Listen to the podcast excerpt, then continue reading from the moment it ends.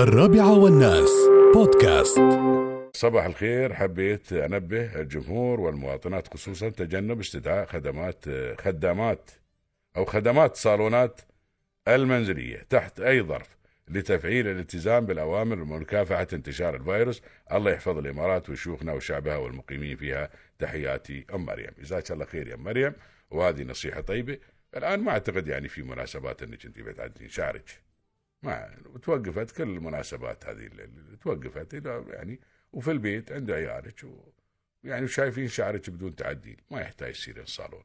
وبعدين ما في شيء شعوركم الحمد لله رب العالمين. من يصبحون لين يمسون الحريمة حين انتصر يوم سيل هذا. كل مال الله باسمه. هذا مال الشعر المقصف ومال الشعر الله باسمه وزيت الشعر ومعطر الشعر و... الشباب شعر ما شاء الله هذا فر واستوى آخر شيء. من كثر ما تحطون فيه الأشياء. فشعوركم ما شاء الله زينه ما فيها شيء الحمد لله رب العالمين. والنظافة الحين الحمد لله رب العالمين. الشامبو قبل اثنين في واحد الحين عشرة في واحد. اللهم لك الحمد الشكر. إي.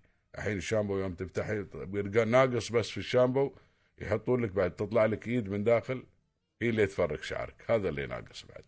الحمد لله رب العالمين. والأمور كلها طيبة والامتثال بالأوامر الطيبة ولا تخلون الغرب يدخلون عليكم البيوت.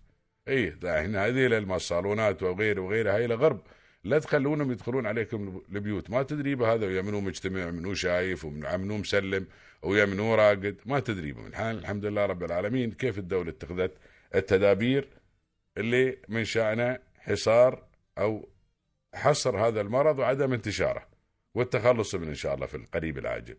اتخذت التدابير على حسب الأشياء اللي يشوفونها وعلى حسب الإصابات. يشوفون هذا المصاب وين جاي ومنو خالط. أمور كثيرة.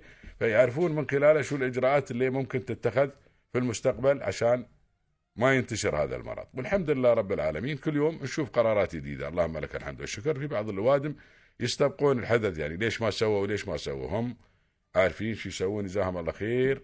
والإجراءات اللي يتخذونها الحمد لله رب العالمين وكل التدابير كلها الحمد لله رب العالمين تدابير احترازية وكلها في مصلحتنا. فيجب علينا أن نلتزم أي أمر يجينا نقول إن شاء الله. وبيتنا أحسن. بيتك أحسن لك يا طويل الأمل الناس تتمنى أن يكون عنده بيت تجلس فيه. عندنا بيوت نجلس في بيوتنا الحمد لله. الرابعة والناس بودكاست.